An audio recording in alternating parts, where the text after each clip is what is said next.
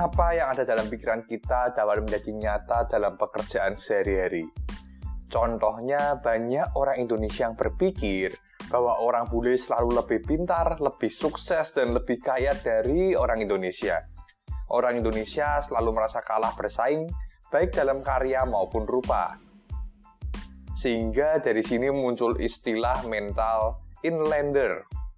Akibat penilaian subjektif seperti ini, pekerjaan yang orang Indonesia tekuni sehari-hari sering kali kalah dari orang bule.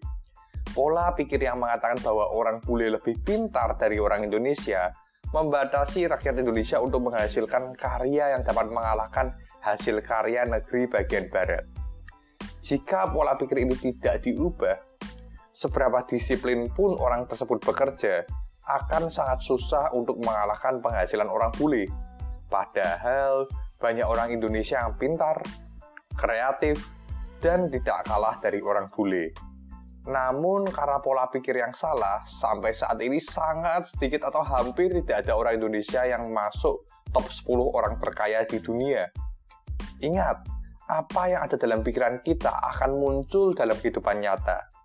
Jika kita berpikir bahwa orang Indonesia tidak bisa mengalahkan penghasilan orang bule, itulah yang akan terjadi dalam hidup kita.